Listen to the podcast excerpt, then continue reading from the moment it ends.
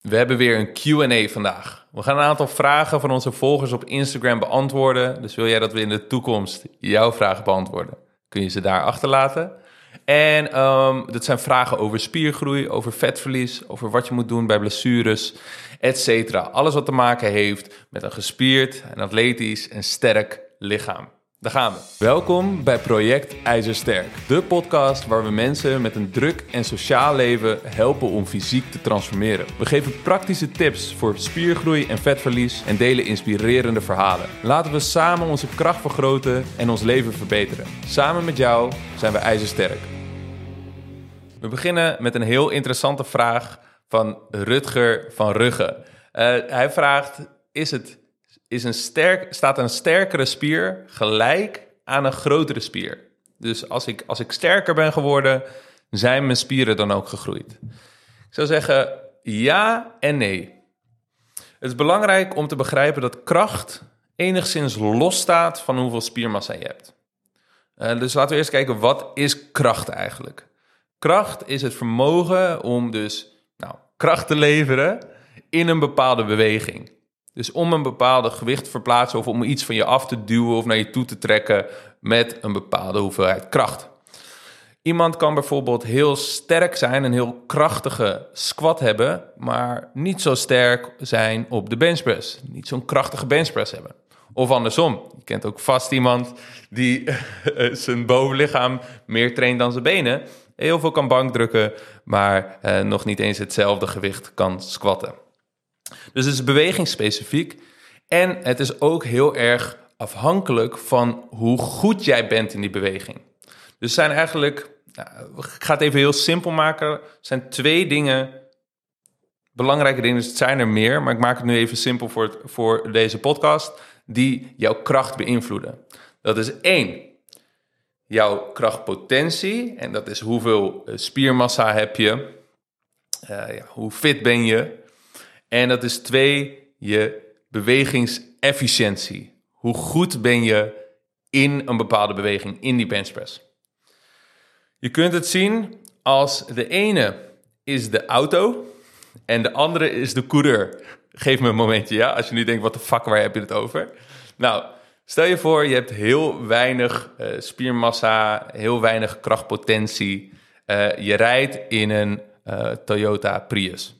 Oké, Uh, of nog beter in een Peugeot 106. Je rijdt in een Peugeot 106, uh, maar je bent wel supergoed in het rijden. Je bent, uh, je bent Max Verstappen, ja?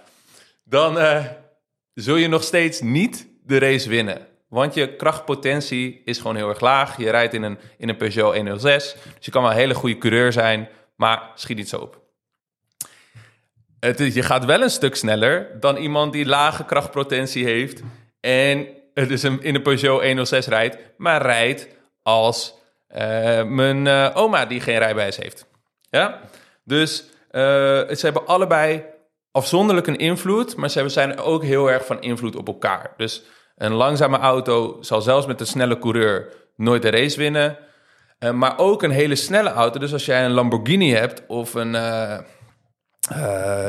nou, whatever. We nemen het voorbeeld van een Lamborghini. Je hebt een Lamborghini uh, en uh, je hebt een hele snelle auto. En ja, je oma zit achter het stuur. Nou, dan ga je ook niet de race winnen. Dus je hebt hele hoge krachtpotentie, veel spiermassa, maar je bent heel erg slecht in die benchpress. Nou, dan ga je ook niet zoveel gewicht verplaatsen. maar als je dan die, die, die Lamborghini Aventador combineert met Max Verstappen, waarschijnlijk zullen de autofanaten mij nu haten... omdat Lamborghinis uh, misschien niet de allerbeste auto zijn... voor de prijskwaliteit en whatever. Maar dat is nu niet belangrijk. ik voel je, maar het is nu niet belangrijk. Uh, Oké, dus je hebt die Lamborghini en je hebt Max Verstappen. Bang, ga je super hard. Dus we hebben de auto, we hebben de krachtpotentie... en we hebben uh, de bewegingsefficiëntie of de coureur. Dus...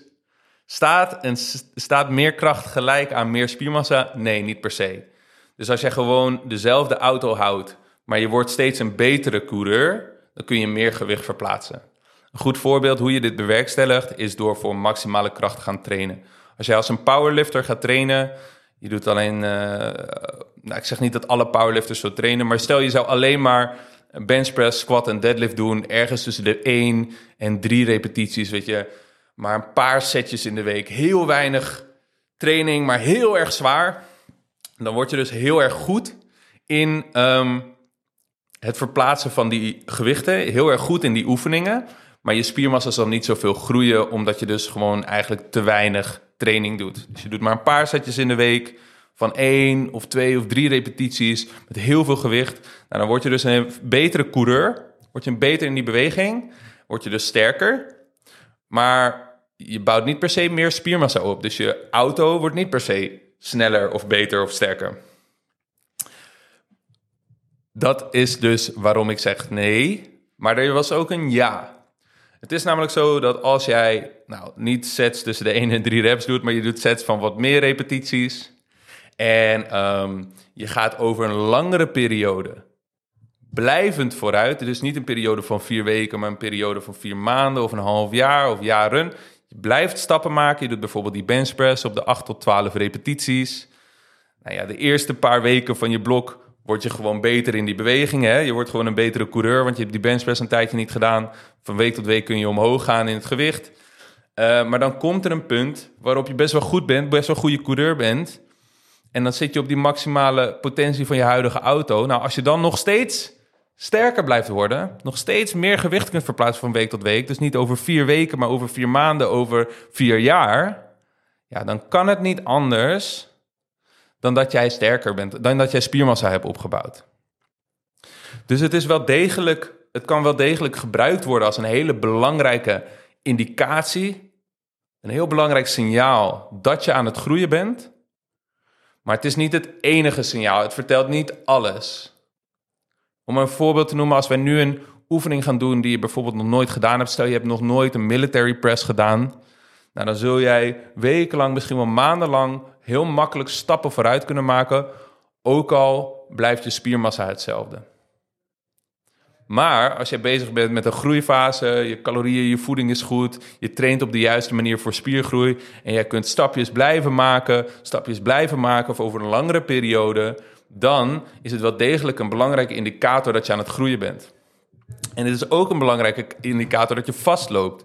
Als jij op een gegeven moment die military press blijft doen, maar je kunt niet meer meer gewicht verplaatsen van week tot week. Je bent al goed in die beweging, dus die coureur is al best wel goed. En je loopt gewoon vast. Nou, dan weet je dus dat die auto ook niet meer aan het upgraden is. Dan weet je dus dat jouw spiermassa ook niet meer aan het groeien is. Dus wanneer je, wanneer je vast gaat lopen en je krachtprestaties in een tijd lang niet vooruit gaat. En wanneer je merkt van hey, het is een half jaar verder, maar die military press is nog steeds op hetzelfde gewicht. Nou, dan, dan weet je dus dat je waarschijnlijk ook niet heel veel spiermassa gewonnen hebt. Staat het sterker worden van de spieren inherent aan spiergroei, was de vraag. Of uh, staat het gelijk aan spiergroei? Ja en nee. Ik hoop dat het een beetje een duidelijke verhaal was. Heel erg bedankt voor het luisteren van deze aflevering. We nemen even een korte pauze voor het volgende verzoek. We hebben geen sponsors op deze podcast en we draaien hiervoor geen advertenties. De enige manier waarop dit groeit is door mond-tot-mond reclame. Als jij waarde haalt uit deze podcast, dan ken je vast ook anderen die onze content kunnen waarderen. Wellicht zou je het kunnen delen op social media of met vrienden of familie. We zijn je eeuwig dankbaar. Terug naar de podcast. Dit is een hele, uh, hele, hele relevante vraag ook, denk ik. Ik hoop dat je er wat aan hebt. Uh, ik denk dat het Patrick, zijn, zijn, zijn Instagram-naam is PTRCKVNDM. Dus ik denk Patrick, uh, Patrick bedankt voor je vraag. Uh, stagneert gewichtsafname naarmate je langer in een calorie deficit zit? Ik snap de vraag, maar als je hem op deze manier stelt, dus hij zegt: oké, stagneert gewichtsafname, dus loopt het gewicht naar, uh, je bent aan het afvallen en op een gegeven moment loop je helemaal vast, stagnatie, het loopt, gaat niet meer vooruit, wanneer je langer in een calorietekort zit, wanneer je langer calorie, uh, minder calorieën eet dan je verbrandt. Nou, nee. Zolang jij in een calorietekort zit, dus zolang jij minder calorieën eet dan je verbrandt, val je af. Dat is de essentie. Dat, dat, dat, daar kunnen we niet omheen. Als jij dus minder calorieën binnenkrijgt dan je verbrandt, dan val je af. Maar de reden waarom mensen wel heel vaak stagneren, dus bij onze uh, leden die bij ons een 12 weken transformatie in droogtrainfase doen, komt eigenlijk bijna altijd wel een moment waarop, dat, waarop de progressie stagneert. En dan moeten we dingen gaan aanpassen. Uh, dat is meestal het moment als mensen zelfstandig aan de slag gaan, dat ze gedemotiveerd raken, niet zo goed weten wat ze moeten doen en terugschieten naar hun startsituatie. Als dat bekend klinkt, gebeurt heel veel mensen. Ehm, eh, dat is het moment waarop je je programma moet gaan updaten. Het is namelijk zo dat mensen wel heel vaak stagneren, maar wat dan de conclusie dus is, is dat je niet meer in een calorietekort zit. Dus als je me de vraag stelt, stagneert je gewichtsafname als je lang in een calorietekort zit? Nee.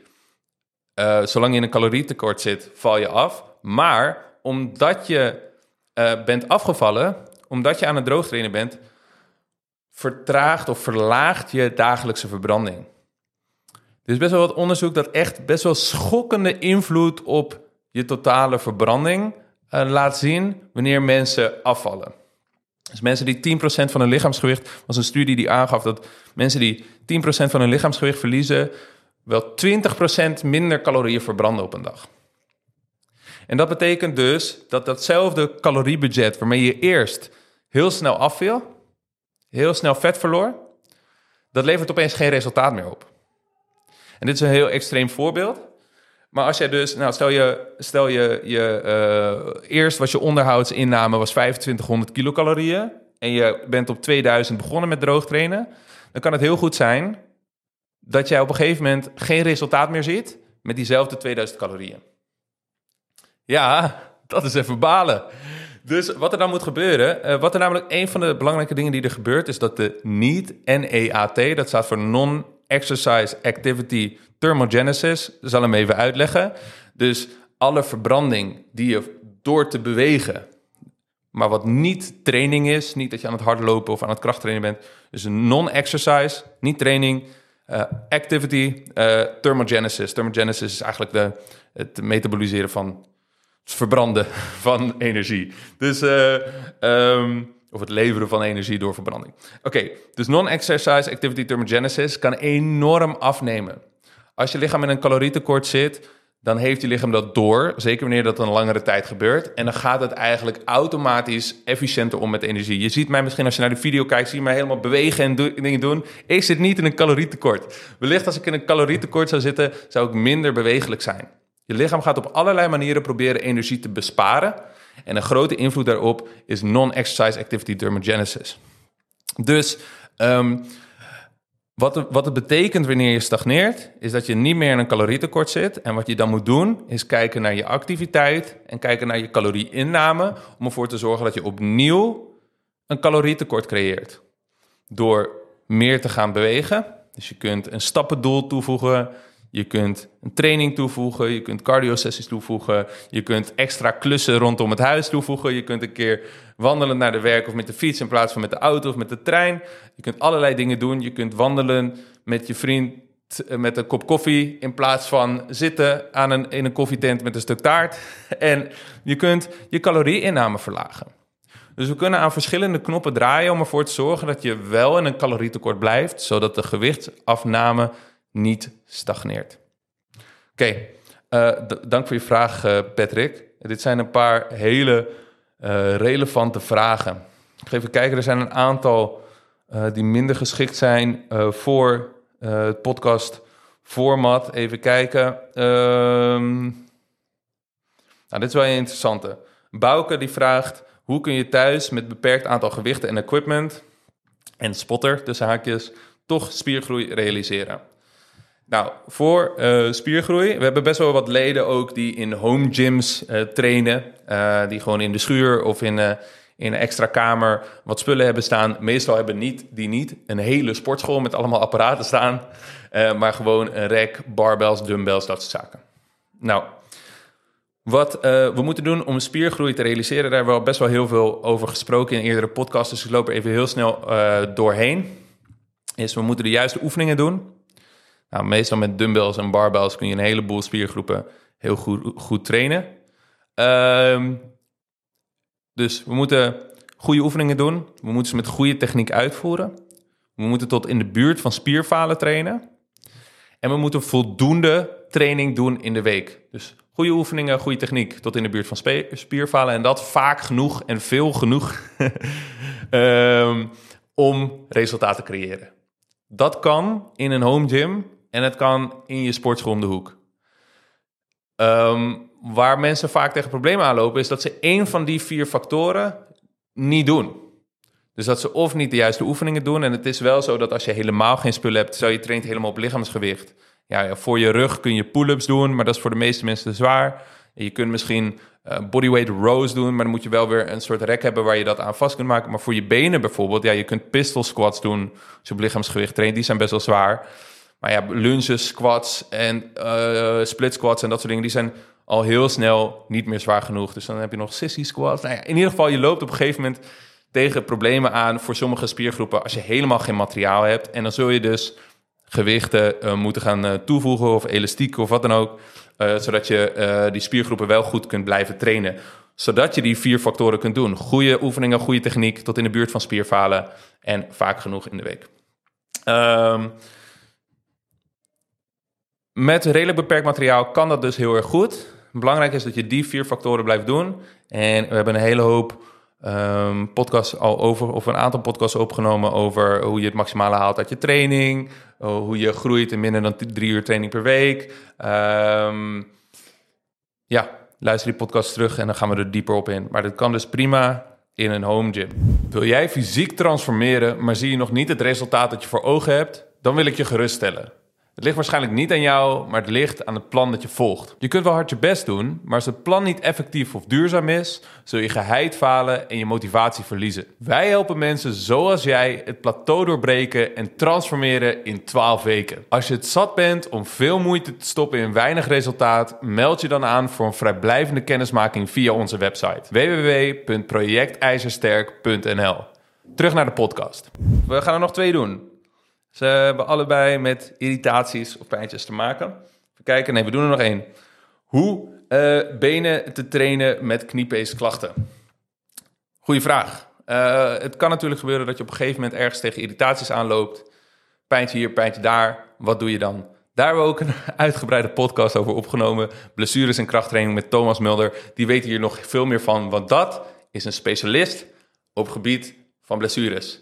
Dat zijn wij niet. Dus uh, vanuit mijn coachingsperspectief kan ik jou dus ook geen medisch advies geven. En dit is ook altijd wanneer wat ik een klant vertel wanneer uh, we ergens tegenaan lopen. Dat kan natuurlijk gebeuren. Um, ik kan je geen medisch advies geven. Wat ik als uh, coach kan doen, of wat wij als trainers kunnen doen, is proberen rekening te houden met irritatie en er zo goed mogelijk mee omgaan. Dat wil zeggen, hoe kunnen we de training aanpassen op een manier dat we de irritatie niet verergeren of dat we voldoende ruimte laten voor het herstel? En hoe kunnen we overleggen met de specialist, bijvoorbeeld Thomas Mulder of een andere fysio, uh, om ervoor te zorgen dat we ook de juiste dingen doen op medisch gebied, zeg maar, dat, die, dat daar ruimte voor is het programma, dat we geen domme dingen doen. Dus in het geval van Thomas, die kan dan even naar het programma kijken, kijken welke dingen die wel en niet slim vindt. Dus uh, belangrijkste advies is, ga naar een specialist. Um, in de training ben ik altijd naar op zoek van... oké, kunnen we die, die spiergroep... dus als het gaat om kniepeesklachten... dan zijn het vaak meestal de bovenbeenspieren, de quadriceps... die moeilijk te trainen zijn... omdat bijvoorbeeld een leg extension of een squat irritatie geeft. Nou, dan zou de vraag zijn... kunnen we die oefeningen lichter doen... of op een trager tempo hogere repetities? Kunnen we het op zo'n manier aanpassen dat we nog wel die spier kunnen vermoeien en tot in de buurt van spiervallen kunnen gaan, zonder dat we de irritatie verergeren? Of kunnen we misschien een andere oefening doen? Dus stel die squat geeft irritatie, maar een leg press niet. Uh, kunnen we misschien uh, een oefening anders doen? Of kunnen we misschien uh, minder diep squatten? Kunnen we tijdelijk die oefening aanpassen? ik word gebeld. in de podcast, dit is leuk. Jesse, ik haal je met, met twee minuten op bij de ingang, ja? Is dat goed? Oké, okay, joh. nou, dat was leuk. We gaan met Jesse zo direct nog een podcast opnemen. Um, in ieder geval, dus kan ik die beweging aanpassen, zodat we, of de oefeningsselectie aanpassen, zodat we die spier alsnog goed kunnen trainen. Voor de rest is het overleg met de, met de specialist. En als die spiergroep helemaal niet meer te trainen is, nou, hoe kunnen we dan de andere spiergroepen zo goed mogelijk trainen? Ik hoop dat dit wat goede antwoorden uh, waren op de vragen die jullie gesteld hebben. En heel erg bedankt ook nog voor de andere mensen die vragen hebben gesteld. Die gaan we zeker in de toekomst meenemen. Maar die verdienen misschien een eigen podcast of een ander soort aanpak. Um, dus ik hoop dat je hier wat aan hebt gehad. En heel erg bedankt voor het luisteren. Tot de volgende keer. Heel veel succes in de gym.